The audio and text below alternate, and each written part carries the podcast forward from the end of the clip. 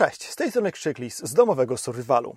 W dzisiejszym odcinku pogadamy o jednej z największych katastrof, jakie de facto nam w tej chwili zagrażają. O zdarzeniu, które będzie miało niebagatelny wpływ na nasze życie w pojedynczej, ale też i w większej skali. O scenariuszu, który już się kiedyś kilka razy wydarzył, tylko w nieco mniejszej skali, który z ogromnym prawdopodobieństwem zdarzy się w ciągu najbliższych kilkudziesięciu lat, ale jego prognozowanie jest na tyle trudne, że równie dobrze może zdarzyć się za trzy dni.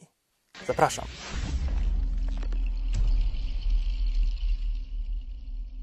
Pogadamy dziś o tym, jakie skutki dla każdego z nas z osobna i dla całego społeczeństwa będzie mieć brak internetu, spowodowany na przykład przez dużą burzę geomagnetyczną.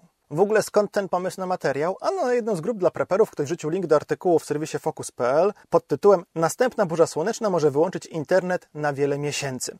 Ten artykuł nawiązuje do badania, do takiego artykułu e, Sangity Abdu Joy T pod tytułem Solar Superstorms Planning for an Internet Apocalypse, czyli super burze słoneczne, planowanie na apokalipsę internetu. Link do tego artykułu i do tego badania znajdziecie oczywiście w opisie pod filmem. Postanowiłem nagrać ten materiał dziś, a jak widzicie jestem na urlopie, wypoczywam sobie, ponieważ komentarze na tej grupie dla preperów, które czytałem, po prostu w moim odczuciu wołają o pomstę do nieba. Wydawało mi się, że preperzy to są ludzie świadomi, są ludzie, którzy uważają się za świadomych, za świadomych zagrożeń, za świadomych tego, co, co dookoła świata się dzieje, świadomych bardziej niż przeciętni zjadacze chleba zmrożonego ciasta, a tymczasem ci ludzie piszą komentarze takie jak patrząc na poziom zidiociałych lewaków w internecie i życiu, to przydałby się taki reset.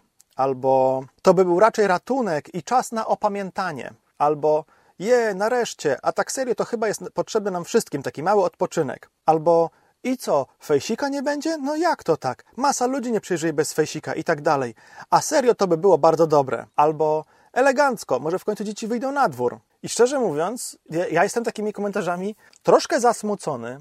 Tam już część osób przyznało się, po tym jak zwróciłem uwagę na to, że to są głupoty, przyznało się do tego, że to są żarty, że oni tak naprawdę wcale nie uważają. No ale wiecie, przez internet trudno jest ocenić, czy ktoś żartuje, czy mówi serio. A, a ja mam wrażenie, że osoby, które piszą takie rzeczy, po prostu nie mają pojęcia o tym, co piszą. Brak internetu to jest ogromny kataklizm, z którego skutkami będziemy się borykać przez bardzo długi czas. I ja Wam to za moment wykażę. To chyba dobry moment, żeby powiedzieć o tym, jak funkcjonuje i jak działa taka burza geomagnetyczna, skąd ona się w ogóle bierze i dlaczego uważamy, że jest to w jakimś stopniu dla nas zagrożenie. Pod pojęciem burzy słonecznej najczęściej rozumiemy tak zwany koronalny wyrzut masy, czyli moment, w którym z powierzchni Słońca następuje wyrzut takiego obłoku plazmy, zjonizowanej plazmy, który następnie sobie przez Układ Słoneczny gdzieś tam pędzi. To się dzieje wbrew pozorom całkiem często, ponieważ ma charakter takiego obłoku plazmy, który sobie gdzieś tam płynie przez przestrzeń kosmiczną, to całkiem często Ziemię omija. Nie? Natomiast w momencie, kiedy on dociera do Ziemi, no przez to, że ta plazma jest zjonizowana, to powoduje pewne interakcje z, z, ziemskim polem magnetycznym, zakłócając w mniejszym lub większym stopniu działanie tego pola magnetycznego. Widzimy to na przykład jako zorze polarne. No i jak doskonale wiecie, zorze polarne zazwyczaj widoczne są wyłącznie na tych najwyższych szerokościach geograficznych, czyli w pobliżu biegunów, na przykład na Islandii czy e, w północnych częściach Norwegii. Zorze polarne na naszej szerokości geograficznej w Polsce zdarzają się bardzo, bardzo rzadko. Te zakłócenia znane są pod nazwą burzy magnetycznych albo burzy geomagnetycznych i one po prostu sprowadzają się do tego, że natężenie ziemskiego pola magnetycznego się zmienia. A wskutek tych zmian we wszystkich kablach, które są w obrębie tego pola magnetycznego, indukuje się prąd. Tak samo jak prąd indukuje się w kablu, nad którym w odpowiedni sposób przesuwamy magnes. Zjawisko to doskonale znamy i od wielu lat wykorzystujemy do produkcji prądu. Tak działają na przykład alternatory i prądnice. I ten indukujący się prąd może powodować uszkodzenia różnych elementów infrastruktury, telekomunikacyjnej i energetycznej. O tej części energetycznej w ogóle dziś nie będziemy mówić. Dziś skupimy się wyłącznie na tej części związanej z telekomunikacją, z łącznością z internetem. Najbardziej znana taka sytuacja w przeszłości miała miejsce w 1859 roku, na przełomie sierpnia i września. I w anglojęzycznej literaturze nosi nazwę Carrington Event. 1 września 1859 roku angielski astronom amator Richard Christopher Carrington zaobserwował rozbłysk słoneczny. Rozbłysk, którego, jak dziś już wiemy, skutkiem był koronalny wyrzut masy, który następnie po rekordowym czasie niecałych 18 godzin dotarł do Ziemi. Rekordowym, bo zazwyczaj trwa to około 2-3 dni, a tutaj trwało tylko niecałe 18 godzin. Ten obok plazmy spowodował tak intensywną zorzę polarną, że była ona widziana aż na Karaibach. No, gdzie Karaiby, a gdzie Norwegia, to chyba każdy wie. A jak nie wie, to zachęcam do sprawdzenia. Ponoć w niektórych miejscach w USA było na tyle jasno przez tę zorzę polarną, że ludzie w środku nocy budzili się i wstawali, myśląc, że już jest ranek. I oczywiście spowodowało to również straty w infrastrukturze telekomunikacyjnej, która wtedy była dopiero w powijakach, bo wtedy korzystano wyłącznie, oczywiście oprócz innych rodzajów łączności, z telegrafów. Łączność telegraficzna wymagała długich kabli porozpinanych na słupach między stacjami telegraficznymi i zasilania na obydwu końcach. Podłączył zasilanie, uruchamiał ten taki śmieszny aparacik, naciskając coś tam no i te sygnały wysyłały się i były odbierane na drugim końcu kabla. No i ta burza magnetyczna, te, ten prąd, który się w tych kablach indukował, powodował sporo awarii. Telegrafy mogły działać pomimo faktu, że odłączano je od zasilania, bo tego, tego prądu w tej sieci było na tyle dużo, że mogły działać bez własnego zasilania. Co może się wydawać fajne, ale to te, takie fajne było nie do końca. Niektóre urządzenia kopały prądem operatorów, a z tych słupów telegraficznych sypały się iskry. I teraz trudno sobie wyobrazić, jakie skutki dla infrastruktury mogłoby to powodować dziś. I odpowiedzi na to pytanie szukano właśnie w tym artykule, o którym wspomniałem na początku. Nie do końca wiemy, jakie skutki będzie miało takie zdarzenie, ponieważ w historii było ich sporo. W 89, w 21, ale to były wszystko efekty w mniejszej skali takiej burzy jak w 1859 od tamtego czasu nie było. Prawdopodobieństwo wystąpienia takiej burzy podobnej skali ocenia się na między 1,6 a 12% w każdej dekadzie. Tylko tu jest taki problem, że obok 11-letnich cykli aktywności słonecznej jest też cykl mniej więcej 88-letni i tak się złożyło, że ostatnie 30 lat to jest minimum takiego cyklu. Nie? Czyli ten bardzo szybki rozwój infrastruktury telekomunikacyjnej, bardzo szybki rozwój naszej zależności od niej przypadł na te 30 lat względnego spokoju. Czyli tak naprawdę nie mieliśmy okazji w praktyce sprawdzić i zobaczyć, jakie skutki będzie miała taka burza magnetyczna. I co się z tym wiąże? Nie do końca jesteśmy na to gotowi. To, co wiemy na pewno, to że zarówno satelity telekomunikacyjne, jak i wszystkie łącza kablowe są narażone na uszkodzenia wskutek takiej burzy magnetycznej. Satelity mogą po prostu ulegać awarii, w ekstremalnych przypadkach mogą nawet ze względu na ten, ten obłok plazmy, która ma charakter takiej fizycznej przeszkody, oczywiście bardzo rozproszonej, ale jednak fizycznej przeszkody na drodze tego satelity na orbicie, one mogą powodować większy opór tego jego ruchu i deorbitację. Satelity z tych niższych orbit, na przykład Starlinki, mogą w niekontrolowany sposób spadać na Ziemię. Inne będą po prostu ulegać uszkodzeniu, przestaną działać. Nie? I to nie jest tak, że te skutki będą tylko od tej strony globu, na którą właśnie ta chmura plazmy napłynęła, dlatego że ten obłok zaburzy działanie całego ziemskiego pola magnetycznego. Ogromny problem jest wbrew pozorom z podmorskimi kablami światłowodowymi, które są w bardzo dużym stopniu narażone na negatywne skutki takiej burzy. No bo wydawałoby się, że kabel światłowodowy, czy po prostu kawałek szklanej rurki odpowiednio cienkiej, nie, no, nie jest narażony, bo przecież tam żaden prąd się tam nie wyindukuje. To prawda, ale kable światłowodowe czy łącza światłowodowe do działania potrzebują wzmacniaczy sygnału.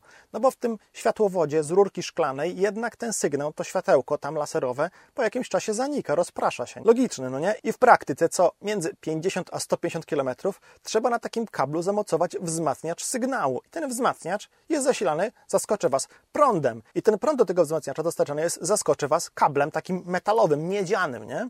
To właśnie w tym miedzianym kablu będą się indukować prądy, które będą uszkadzać te kolejne wzmacniacze na łączu. Im dłuższy kabel, tym więcej tego prądu będzie się indukować i tym większe ryzyko zniszczenia poszczególnych wzmacniaczy na kablu. Ze względu na to, jak działa magnetosfera Ziemi, to na te skutki narażone będą w większym stopniu te elementy infrastruktury, które znajdują się na większych szerokościach geograficznych, w szczególności powyżej 40 równoleżnika. Na pewno pamiętacie, na którym równoleżniku jest Polska, prawda? I spośród rozwiniętych państw najbardziej narażone na skutki tego typu scenariusza będą chyba Stany Zjednoczone, dlatego że tam ze względu na to, jak ten kraj jest zbudowany i rozproszony na dużej powierzchni, po prostu długich kabli jest dużo. W mniejszym stopniu narażona będzie Europa, ponieważ no, u nas jest więcej krótszych kabli, bo zagęszczenie infrastruktury i ludności u nas jest dużo większe niż w USA. Kable podmorskie między Europą a USA prawdopodobnie trafi szlak. Kabli między Europą a Brazylią być może szlak nie trafi. Afryce infrastruktura prawdopodobnie będzie bezpieczna. Być może zatem wskutek takiej burzy geomagnetycznej będziemy mieli kilka takich wysp, na których internet jakoś tam działa, a między nimi nie będzie łączności. A może w USA rzeczywiście internet trafi szlak i szacunki wskazują na to, że jeden dzień niedziałania internetu w gospodarce amerykańskiej powoduje 7 miliardów dolarów strat. Zwróćcie uwagę, że tu w ogóle nie mówimy o infrastrukturze energetycznej, tylko o braku łączności internetowej. Ale co to tak naprawdę oznacza, Krzyśku? Przecież wreszcie dzieci będą musiały wyłączyć tego TikToka i pójść pogadać z kolegami na podwórku. Wreszcie młodzież przestanie się ekscytować tym Facebookiem, Instagramem, YouTube'em i innymi gównami w internecie. Wreszcie zaczniemy rozmawiać z ludźmi twarzą w twarz, a to jest zawsze lepsze dla porozumienia. Same pozytywne korzyści. Otóż nie. Jesteśmy w ogromnym stopniu uzależnieni od internetu. Nie tylko od tego internetu, który mamy w przeglądarce, w telefonie, w Facebooku, w Messengerze, w poczcie elektronicznej. Oczywiście, to co zobaczymy w pierwszej kolejności, to co zacznie nam doskwierać w pierwszej kolejności, to na przykład brak czy utrudnienia w łączności z bliskimi. Nie będzie działać na przykład Messenger. Duże centra danych, data centers, takie na przykład jak data center Facebooka, mogą być, i to też było analizowane w tym dokumencie, mogą być narażone na uszkodzenia wskutek takiego scenariusza. Czyli jeśli powiedzmy dwie trzecie infrastruktury Facebooka trafi szlag naraz, a jednocześnie z drugiej strony wszyscy nagle rzucą się do tego Facebooka, żeby ze sobą rozmawiać, wysłać sobie wiadomości, sprawdzać informacje, to możemy się domyślić, jakie będą tego skutki. Po prostu Facebook przestanie w praktyce w ogóle działać. Nie? Pierwszy efekt będzie prawdopodobnie taki, że przestaniemy mieć kontakt z bliskimi, co samo w sobie jest kłopotliwe. Nie? Dzieje się coś złego na świecie. Nie wiemy, jak nawiązać kontakt z bliskimi, bo, bo nie możemy do nich napisać przez internet, ale często też nie będziemy mogli do nich zadzwonić. Spora część łączności głosowej dziś odbywa się jako voice over IP, czyli przesyłanie głosu przez łącza internetowe. I nagle się okaże, że nie da się dodzwonić do bliskich, również przez telefon, również stacjonarny. Nie bez przyczyny przygotowaliśmy jakiś czas temu standard łączności dla polskich preperów, który znajdziecie po kliknięciu w ten odnośnik. Gorąco zachęcam do zapoznania się z nim, bo on właśnie ma Was troszkę przygotować na tego typu sytuacje, przygotować Was i Wasze rodziny, a do tego umożliwić łączność między preperami z całej Polski. Po drugie, przestaniemy mieć dostęp do informacji, tych lokalnych, z portali informacyjnych, radio być może będzie nadawać w dalszym ciągu, ale jeśli radio, jeśli redakcje radiowe nie będą miały dostępu do informacji, to cóż nam po tym, że będą puszczać patriotyczne pieśni albo poloneza z pana Tadeusza na okrągło? Cóż nam to da? Może trochę otuchę, ale nie pomoże nam się lepiej zorientować i lepiej reagować w takiej sytuacji. Tych informacji nie będzie zarówno w skali lokalnej, jak i międzynarodowej. No, w jaki sposób korespondenci zagraniczni przesyłają teraz materiały? No jak? Wysyłają kasetę wideo pocztą? Oczywiście, że nie. Wysyłają to wszystko przez internet. Nagrywają, montują i wysyłają gdzieś w chmurę do redakcji, która to potem ściąga, obrabia być może i produkuje gotowy materiał, który jest później wyświetlany, emitowany w programie informacyjnym. Tego też nie będzie.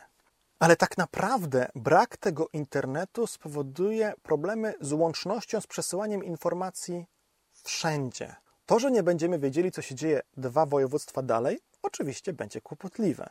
Ale jeszcze bardziej kłopotliwe będzie to, że te informacje, które są niezbędne do utrzymania sprawnego łańcucha dostaw wszystkiego, też nie będą przesyłane. I nagle okaże się, że w sklepach nie ma nic, bo zaopatrzenie tych sklepów stanie. Dziś całkiem często może to już działać nawet w takiej formie, że w momencie, w którym przechodzisz przez kasę, pani kasjerka kasuje tym takim laserowym czytnikiem jakieś pudełko czegoś, nie? to system bazodonowy tej sieci marketów już dziś wie, że się jakiś produkt sprzedał i może uruchomić cały ten łańcuch, że z lokalnego magazynu do tego lokalnego sklepu w najbliższej dostawie ten produkt dotrze, żeby uzupełnić to, czego brakuje w tej chwili już na półce. Z centralnego magazynu do tego lokalnego magazynu przy następnej dostawie on również zostanie dostarczony i wreszcie już może być dopisany do kolejnej dostawy od producenta do tego centralnego magazynu. Na przykład, nie? Producent bardzo szybko dowiaduje się, że coś już sprzedał, dowiaduje się, że musi kupić półprodukty albo surowce do wytworzenia tego czegoś i to niezależnie od tego, czy to będzie chleb, czy to będzie telefon komórkowy, czy to będzie nowa para jeansów. To działa bardzo podobnie w każdej branży. Dokładnie tak samo będzie z zaopatrzeniem w paliwa, w węgiel, w benzynę, w olej napędowy i opałowy, w gaz płynny do samochodów, do ogrzewania domów, dla przemysłu. Jeśli myślicie, że lepiej będzie na przykład z dostawami gazu, no to spieszę Wam powiedzieć, że jednak nie. jednak niestety chyba nie.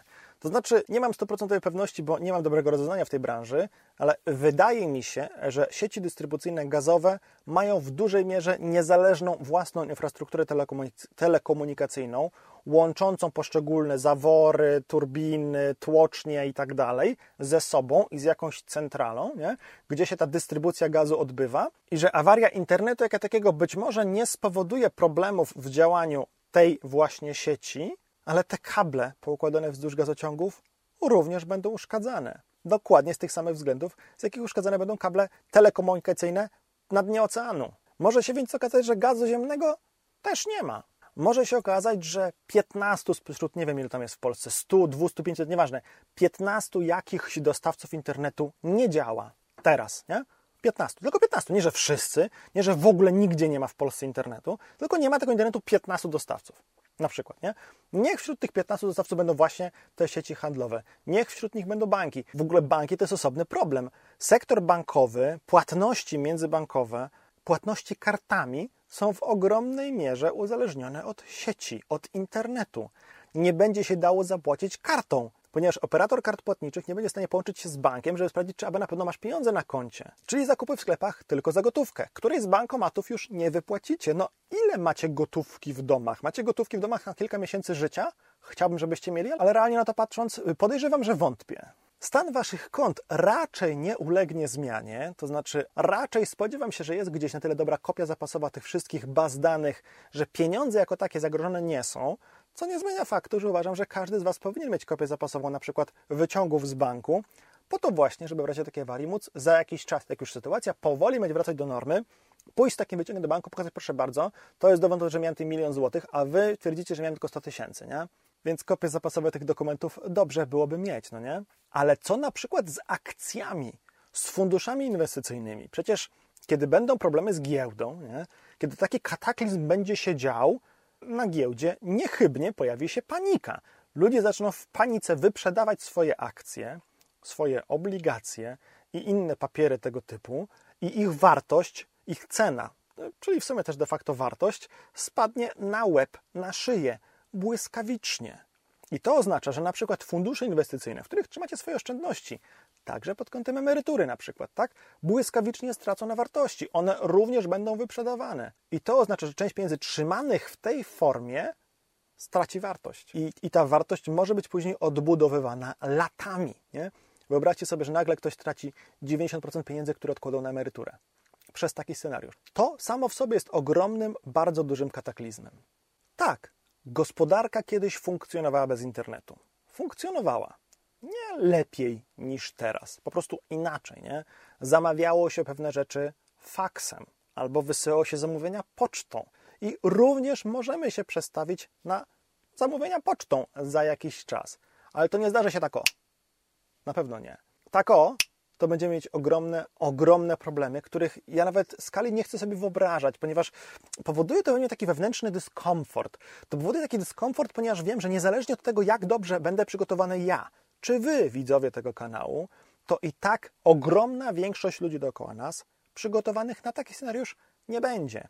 I owszem, ludzie zaczną wychodzić z domów, będą ze sobą rozmawiać, ale raczej podniesionym głosem i okładać się pięściami, walcząc o resztki żywności na sklepowych półkach. I to na początku tego kryzysu. Za jakiś czas sytuacja na pewno się, no nie chcę powiedzieć wróci do normy, ale ustabilizuje. Ustabilizuje się prawdopodobnie na zupełnie innym poziomie na poziomie mniejszego bezpieczeństwa, mniejszego komfortu życia, mniejszej dostępności tych produktów, e, który, z których korzystamy, bo wiecie, te łańcuchy dostaw będą zakłócone również między rolnikami a producentami pieczywa, a nie tylko między producentami pieczywa a sklepami, nie? Rolnicy też będą mieć problemy z dostępem do paliw, do nawozów, do środków ochrony roślin, więc e, następne plony mogą być gorsze. Rozumiecie, do czego to zmierza, nie? Świat, światowa gospodarka to jest po prostu ogromna liczba naczyń połączonych, połączonych ze sobą internetem. A taka awaria internetu spowoduje, że woda z tych wszystkich naczyń spłynie do klozetu naraz, wszędzie. I odbudowywanie tego będzie bardzo kłopotliwe i będzie bardzo długo trwało. Co możemy my zrobić w takiej sytuacji?